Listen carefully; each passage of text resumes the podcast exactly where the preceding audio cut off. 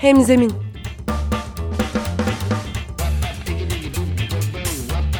Daha iyi bir sosyal fayda iletişimi için fikirler, tartışmalar, örnekler.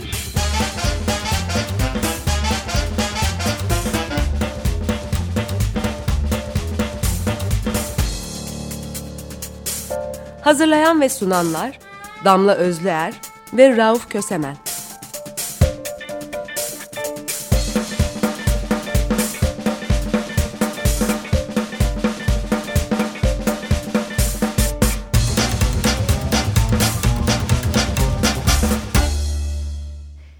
Herkese merhaba. Rauf Kösemen ve Damla Özler'le birlikte hemzemindesiniz ve bu haftaki başlığımız kaş yaparken göz çıkarmamak ya da sosyal fayda iletişiminde bir değerler haritasının önemi. Herhangi bir sosyal fayda kampanyası sırasında kampanya sahiplerinin önceliği ve odağı doğal olarak hedefledikleri toplumsal değişimi yaratabilecek araçları ve söylemi üretmek oluyor. Ancak bu odak önceden belirlenmiş bir değerler sistemine oturmuyorsa ki çoğu zaman bu değerler sistemi önceden belirlenmiyor, ya bulunan fikirlerin yaratıcılığına kapılıp ya da hedef odaklı olmak nedeniyle her yol mübah anlayışına gelip kampanyayı kaş yaparken göz çıkarır hale getirebiliyoruz. En başından başlayalım Rauf. Bir sosyal fayda kampanyası neden önce bir değerler sistemi belirlemeli? Ee, önce değerler sisteminin ne olduğu üzerine e, bir şeyler söylemek lazım. Ee, şimdi bir mesele üzerine odaklanırken o meselenin dışında başka değerlere de değiyorsunuz. E, bu değdiğiniz değerler sisteminin ne olacağını planlamaktan söz ediyoruz biz burada değerler sistemini oluşturmak derken. Şimdi sosyal meseleler genellikle iç içe geçmiş durumda. Mesela e, doğal olarak e, iç içe geçen durumlar var. Onlardan bir örnek vereyim. E, kız çocuklarına yönelik bir okullaşma kampanyası yönetiyorsanız ve bunun iletişimini yapıyorsanız bu aynı zamanda doğal olarak anti cinsiyetçi bir içerik taşıyor olmak zorunda. Ki zaten taşıyor e, ama bunu iletişim diline de değdirmek, geçirmek zorundasınız. Şimdi bir de aynı zamanda hedef kitlelerimiz yani bu toplumsal meselelere destek veren destekçi kitleler genellikle bu desteği tek bir noktada da vermiyorlar. Ya hayvan dostu bir kampanyanın destekçisi aynı zamanda doğacı, eşitlikçi, savaş karşıtı kampanyaların da hedef kitlesi olabiliyor. Başka başka kampanyalarında yani bunların bir ölçütü de yok aslında. Şuna destek veren bunu da verer, verir e, gibi bir şey yok ama bir kesi, e, kesişim kümesini oluşturuyor bu insanlar. Yani aslında her toplumsal, çevresel ya da etik sorun aynı zihin haritası içinde e, yer alıyor ve bu zihin haritası içinde farklı bilgi ve eylemsellik parçalarına denk düşüyor. E, bunlar bir şekilde de birleşiyorlar. Biz burada bu birleşmenin e, matematiğini oluşturmaktan söz ediyoruz değerler haritası derken. Kampanyalarda bir e, değerler haritası oluşturmanın ihtiyacı özellikle Avrupa ve ABD'de bir süredir tartışılan ve sosyal fayda iletişiminin ihtiyaçlarını belirlemek için de bir nirengi noktası olarak konumlanan bir tartışma aslında. Örneğin Britanya'da sivil toplum kuruluşları, sosyal fayda projeleri, sosyal fayda iletişimi yapan profesyoneller bir araya geldiler. Ee, çevre hareketinden gelen öncülerin kurduğu bir çerçevede birlikte oldular ve bu sivil inisiyatifin adını da Common Cause yani ortak mesele koydular. Bunu ABD'deki liberal e, kurumdan ayırmak gerekiyor yalnız. Bu Common Cause başka bir Common Cause. Common Cause bir değerler atlasının neden önemli olduğuna ve bu çerçevenin nasıl kurulabileceğine dair bir el kitabı da yayınladı çok yakında. Hatta bunu internetten pdf formatında indirmek mümkün. valuesandframes.org adresine girdiğinizde bulabiliyorsunuz. E, bu el kitabı bir değerler sistemi vermiyor aslında. Yani bir değerler sistemini alt alta sıralayıp size bir e, liste vermiyor. Ama daha çok herhangi bir kampanya başlamadan önce kampanyanızın değerler sistemi nasıl oluşturabileceğinizi e, kurguluyor ve örnekler e, veriyor burada. El kitabı diyoruz ama hani el kadar bir kitaptan söz etmiyoruz. Bu bayağı hacimli bir kitap. Bir ansiklopedi değil elbette ama iyi bir kılavuz. Şimdi araştırmalar gösteriyor ki insanların değer sistemleri aynı şema üzerinden şekilleniyor. E, bu sosyal fayda, bir sosyal fayda projesi de kendi sistemini belirlerken e, belli başlıkların altını doğruldu, e, doldurduğunda ancak kendisini güvenceye almış oluyor. Yani yaş tahtaya o zaman basmamış oluyor e, amiyane söylersek. En azından kampanyası boyunca neyin için ve nasıl söyleyeceğini çerçevesini de çok net çizebiliyor böylece. Hı hı. Bilinçli verilmiş yanıtlar oluşturabiliyor ve yanlış yapma olasılığını azaltıyor. E, mesela şöyle sıralayabiliriz bunu. E, biraz özet geçeceğim. Amaçları, bu kampanyadan söz ediyorum. Yani iletişim kampanyasının amaçları, küresel çatışmalarla ilgili endişeleri, LGBT haklarına karşı tutumu, bu kampanyanın milliyetçilik dozu, e, siyasi kabulleri, çevreye verilen zararla ilgili endişeleri olup olmadığı, e, militarizm ve barışçıl hareketler arasında hangi noktada durduğu, bunlarda nasıl bir yerde salındığı, küresel yoksullukla ilgili tutumu, insan hakları ile ilgili tutumu, göçmenlik ve göçmenler e, ya da mevcut göçmen durumu yani orada ortaya çıkan bir anlık olay, e, dönemlik olay e, üzerine tutumu. Hangi konularda bir etik ortaya koyacağı, etik davranma özelliğini nereye, hangi meseleler ekseninde ortaya çıkartacağı, çevreci politikalara destek verip vermediği, şirketlerin toplumsal ve çevresel etkileriyle ilgili hesap verir olmaları gerektiğini düşünüp düşünmediği, adalet, ceza, suç, rehabilitasyon gibi bir döngü varsa bu döngüde bu kampanyanın nasıl bir öneride bulunduğu, nerede durduğu. Yani şunu şöyle çözün diyor ama çözümün önünü tıkayanlara bir ceza verilmesi gerektiğini söylüyor mu örneğin? Böyle bir derdi var mı? Ee, ırkçılık, seksizm gibi e, tutumlar alıyor mu? Azınlık gruplarına karşı tutumu ne? E, dünyanın büyük meselelerine karşı işte iklim dönüşümü gibi, değişimi gibi büyük meselelere karşı tutumu ne gibi pek çok şeye değiyor. Yani siz aslında basit bir şey yaptığınız daha doğrusu basit demeyeyim ama lokal bir olaya odaklanan bir şey yaptığınızı düşünüyorsunuz. Kız çocuklarının okullaşması örneğinden girdik oradan devam edelim. Bunun üzerine çalıştığınızı düşünüyorsunuz. Ama örneğin bunu yaparken geri dönüştürülmüş kağıt kullanıp kullanmamaya karar verdiniz mi? Doğrudan bir alakası yok. Ama bunu yaptığınızda başka e, mesajlarda vermiş oluyorsunuz. Başka toplumsal tutumlara da kapı aralamış oluyorsunuz bu değerler sistemini oluşturmayı anlatıyor. Bunu nasıl oluşturacağımızı anlatıyor özellikle. Buradaki en önemli nokta aslında şöyle bir şey. Bunu netleştirmekte fayda var. Ee, herhangi bir konu hakkında kampanya yapıyor olabilirsiniz. Yani siz e, suç, ceza, adalet döngüsü üzerine mahkum hakları ile ilgili bir kampanya yapıyor olabilirsiniz. Ama bu kampanyayı yaparken bile öncesinde sizin bir sivil toplum kuruluşu ya da sosyal fayda projesi olarak, kurumsal proje olarak tam olarak nerede durduğunuzun değerlerini belirlemek durumundasınız. Böylelikle en azından e, bir mahkum hakları kampanyası yaparken cinsiyetçi olmamak ya da yine burada bir şey yaparken başka bir noktada hataya düşmemek gibi bir şey önceden belirlemek mümkün oluyor. Evet e, şimdi burada bir düzeltme yapayım hem de düzeltmeyi de örneğe bağlayarak yapayım. Mahkum hakları dediğimiz zaman aslında hüküm giymiş suçlulardan söz ediyoruz ya da suçlulardan demeyelim hüküm giymiş insanlardan söz ediyoruz. Ama e, hüküm giyenlerin dışında da cezaevlerinde yatan insanlar var. İşte bunları o yüzden hepsini kapsasın diye mahpus diyorlar. Örneğin e, çocuk hakları ile ilgili bir şey yaptığınızda çocuklara mahkum çocuklar mı diyeceksiniz, mahpus çocuklar mı, e, suça itilmiş çocuklar mı, yoksa e, cezaevlerindeki çocuklar mı diyeceksiniz meselesi burada devreye giriyor. Siz eğitimden söz ediyorsunuz ama arada bir cümleyle e, cezaevlerindeki çocukların eğitimine de değinecekseniz orada mahpus mu diyorsunuz, mahkum mu diyorsunuz? Bu çok önemli hale geliyor e, doğrudan doğruya o meseleyle ilgisi e, olmasa da dolaylı da olsa böyle bir durum var. Yani kısacası bu değerler sistemini haritasını çıkarmak en başta e, kampanyanın ipin ucunu kaçırmasını önlüyor diyebiliriz. e, aslında bir sivil toplum kuruluşunun veya bir sosyal fayda projesinin bu tür tutumları mevcuttur. Ama genelde e, yüksek sesle ve alt alta yazılarak söylenmediği sürece farkındalığına çok varılmaz. O yüzden de bu harita yöntemi bir e, farkındalık düzeyine çıkarma ve bilerek adım atma hamlesi. Evet aynen öyle. Ayrıca sizin dışınızda geçen e, pek çok başka sosyal fayda e, işinin de e, oluşturduğu zemini tahrip etmemeniz gibi bir şey veriyor size. Şimdi bu çok tasarruflu bir davranış bir kere.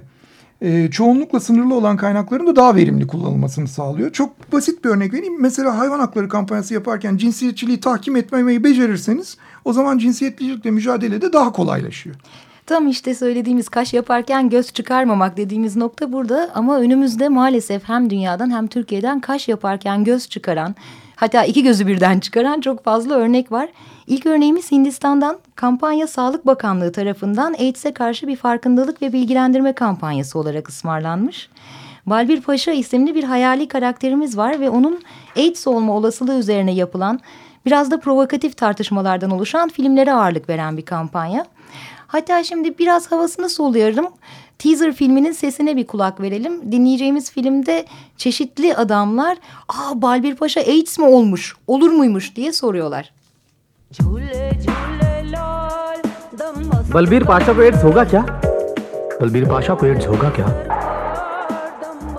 Balbir पाशा को एड्स होगा क्या बलबीर पाशा को एड्स होगा क्या बलबीर पाशा को एड्स होगा क्या बलबीर पाशा को एड्स होगा क्या बलबीर बादशाह को एड्स होगा क्या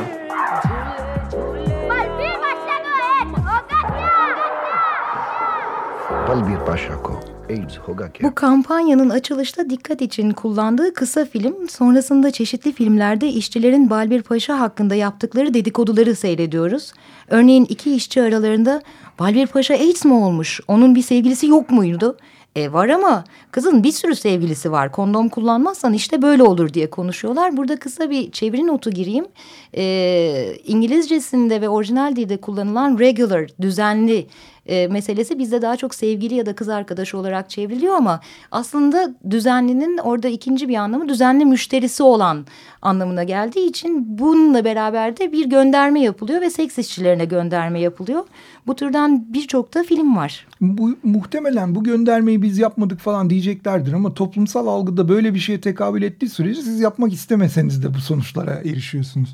Şimdi bir sonuçlarına bakalım kampanyanın ve boşa düştüğü noktaları konuşalım e, derim ben. Kampanya işçiler arasında kondom kullanım oranını %87'den %92'ye çıkarmış. E, bayağı başarılı bir sonuçtan söz ediyoruz burada. %5 e, artıştan söz ediyoruz. E, var olan gönüllü danışmanlık ve sağlık hizmetlerine de erişimi arttırmış.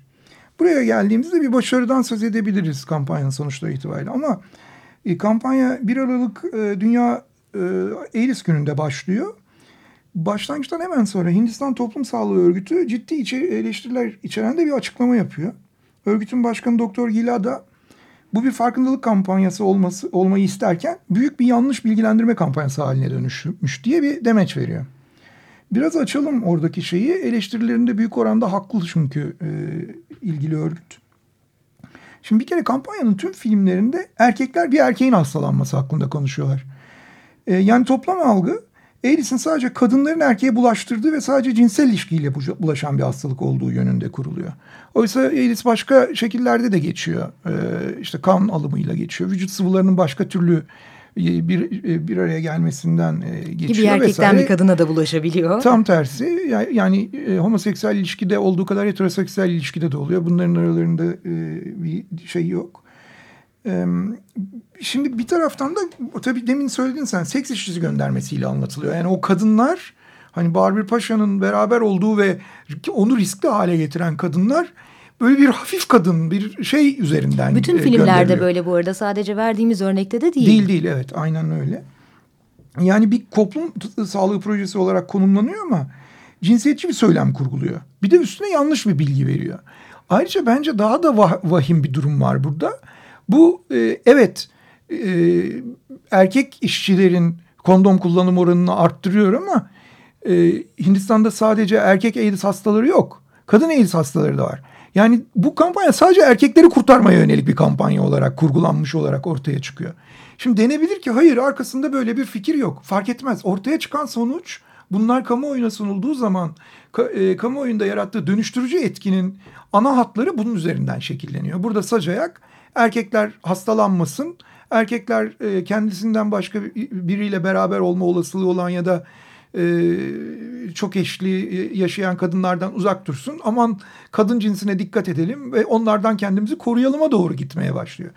Hele Hindistan gibi kadınların erkek şiddetine karşı kendilerini korumak üzere sopalarla falan silahlandıkları yani o kadar vahim korkunç tecavüz olaylarının da yaşandığı falan bir ülkeden söz ediyorsak e, burada biraz e, erkek dilini ölçülü kullanmak lazım. Hatta tersine çevirip hani o ölçüsünün de ötesinde kullan, e, kullanmaktan vazgeçmek lazım ki pozitif e, bir ayrımcılık gerçekleşsin. İşte bu tam da yanlış iletişimin ya da bir değerler haritasının belirlenmemesinin nelere yol açabileceğinin çok iyi bir örneği.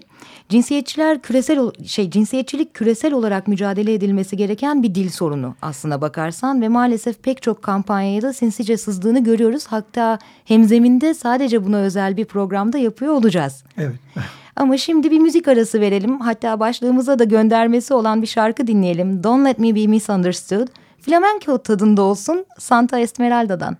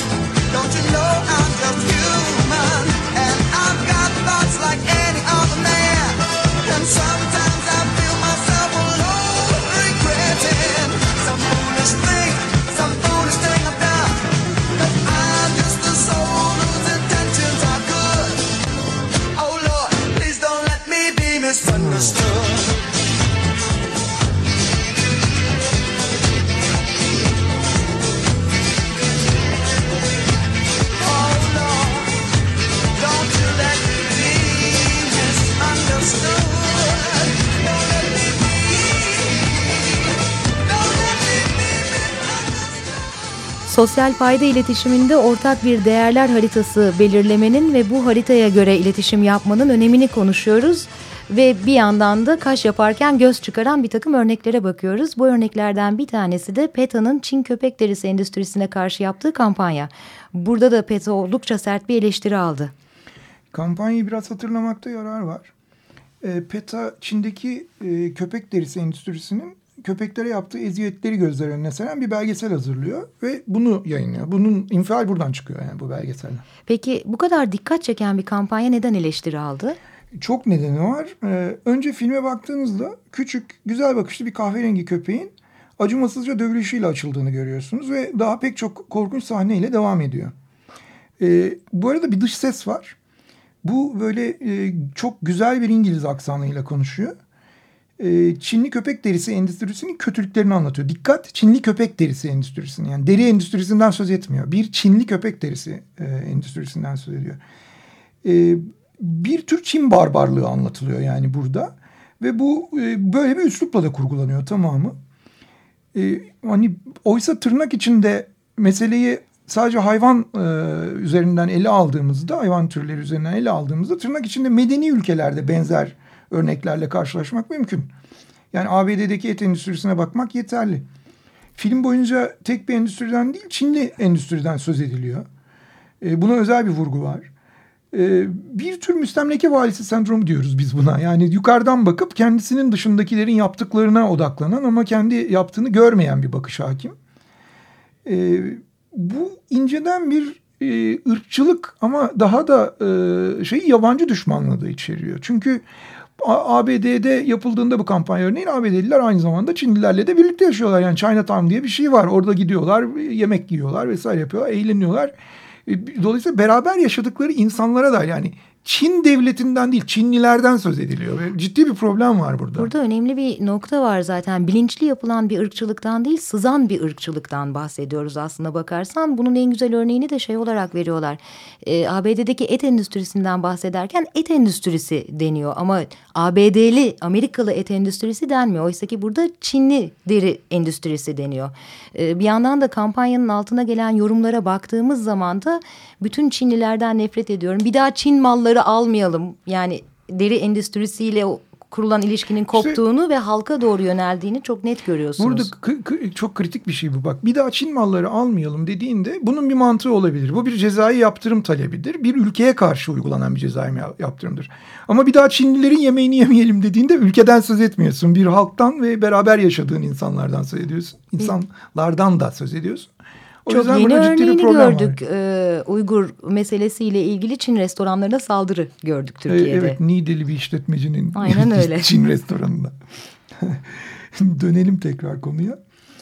Ee, şimdi bir şekilde fotojenik bir durum var diye seçtik diyorlar köpekleri biz aslında. Hani öyle değil e, niyetimiz diyorlar ama bu belki anlaşılabilir bir şey. Hani o fotojeniklik. E, ama filmde e, köpeklere özel yer verdiği ve insanların hangi hayvanlara zarar verebilecekleri ile ilgili bir besin zinciri kurmuş oluyorlar böyle. Bir türcülük olduğu bir türcülük var yani hani hangi e, şimdi bu, bu türcülük biraz da şey aynı zamanda ırkçılıkla da besleniyor. Çünkü benim geleneğim senin geleneğinden daha iyi demiş oluyorsun. Bir başka ülkenin domuz kesmesine ya da koyun kesmesine yönelik bir şey yapmıyorsun da köpek kesmesine yönelik başka bir şey yapıyorsun. Çünkü senin geleneğinde o daha şirin bir hayvan da onun geleneğinde filan veya o mübah öbürü değil gibi bir hale gelmeye başlıyor. Kimin geleneğinin kimden kiminkinden daha üstün olduğunu kriterini kim koyuyor?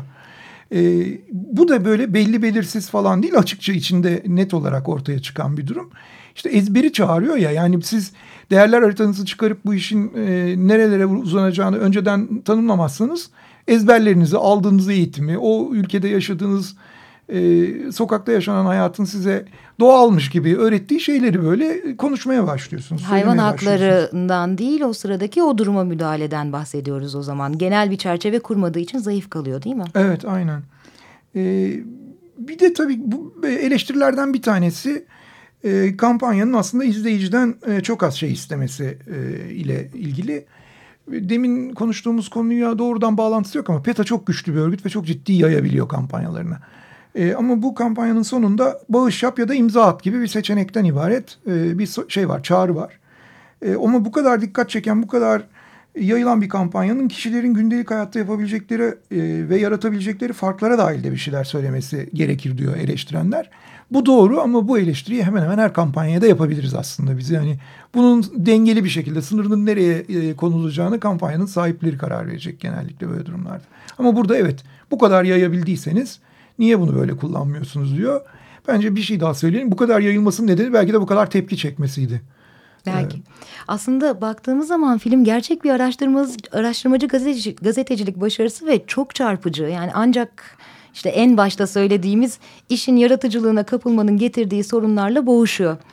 Son olarak bu topraklara gelelim ve bir kurumsal sosyal sorumluluk ya da kurumsal ıı, sosyal duyarlılık denemesine bakalım.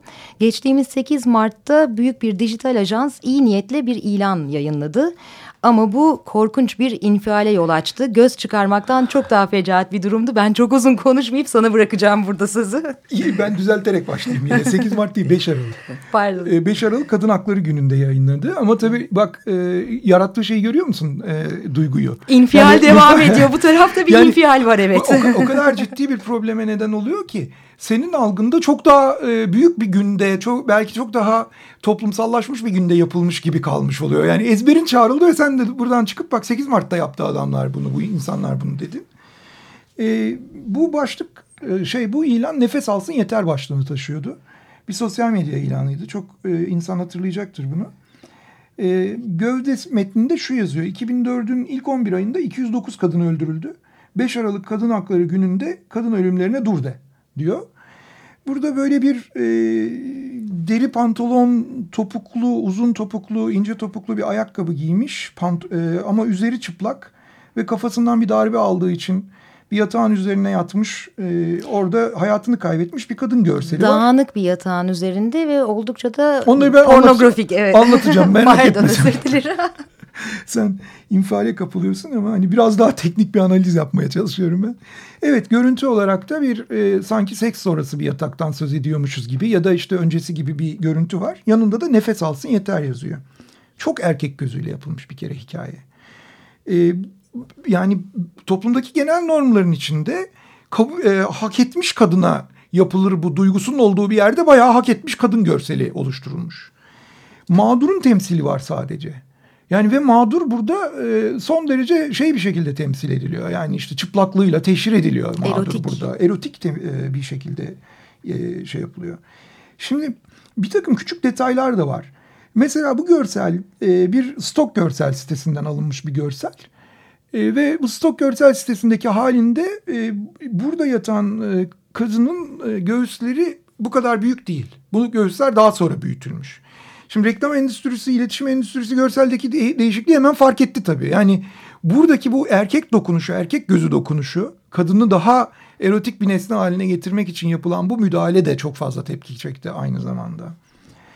Ee, sonra cevap verdi bunu yapan ajans. Ha, bu bir de bir sosyal sorumluluk projesi. Yani şey yok burada. Ee, birisinin ısmarladığı iş yok. Ajans bunu kendi imzasıyla yayınlıyor. Yani durduk yere başlarına iş açıyorlar e, gibi bir durumla karşı karşıyayız. Ama iyi ki de açmışlar ki konuşuyoruz başkaları bu hataları yapmasın diye. Ee, cevap verdiler. İlk başta resmi bir cevap vermekten çok işte Twitter'dan e, yazılan eleştirilere cevap şeklinde gitti. Hemen böyle bakan gözlerde bir sorun olduğu, bizim buna baktığımızda bunu gördüğümüz gibi bir savunmayla karşılaştılar, karşılaştık. E, sonra e, herhalde bir değerlendirme yapıldı falan. Ertesi gün özür geldi ama özür de yapılan değil yapılanın yanlış anlaşılmasına yönelik bir özür olarak geldi. E, daha da kötüsü e, başka e, benzer ajanslardan bazıları işte bir nevi tırnak içinde fırlamalıkla biz sizi anlıyoruz falan diye dayanışma ilanları yaptılar bir de bunların üstüne. E, ama bu sonuç itibarıyla şeyi değiştirmedi. E, memlekette işte son e, şu anda 200'e yakın galiba bu yılın ilk e, döneminde öldürülen e, kadın sayısı, erkek şiddetiyle öldürülen kadın sayısı. E, bu durumu değiştirmedi. Bu durumla ilgili bir bilinç sıçramasına da neden olmadı. E, bir e, iş yani yapmak istediği işlevi yerine getirmedi. Ha belki yapan e, ajanstaki bir takım insanların bu konuda daha fazla okumasına veya daha çok tartışıp biraz daha bilinçlenmesine neden olmuş olabilir ama bu da gelen tepkiler yüzünden oldu zaten. Kısacası bu örnekten de yola çıkıp söyleyebiliriz ki isterseniz bir kurumsal sosyal sorumluluk projesinin iletişimini yapıyor olun, isterseniz bir sivil toplum kuruluşu olarak kendi projenizin iletişimini yapıyor olun. Herhangi bir sosyal fayda iletişimi yapıyorsanız öncelikle onun bir değerler haritasını çıkarmakta, neyi, niçin ve nasıl söyleyeceğinizi çok net belirlemekte fayda var. E, ve bu değerler haritasını hazırlarken sadece yerele değil bütün dünyaya bakarak yapmakta fayda var. Aynen öyle. Hemzeminde Rauf Kösemen ve Damla Özler'le birlikteydiniz. Haftaya görüşmek üzere. Hoşçakalın. Hoşçakalın.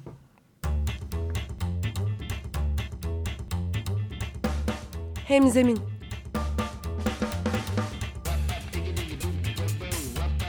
Daha iyi bir sosyal fayda iletişimi için fikirler, tartışmalar, örnekler.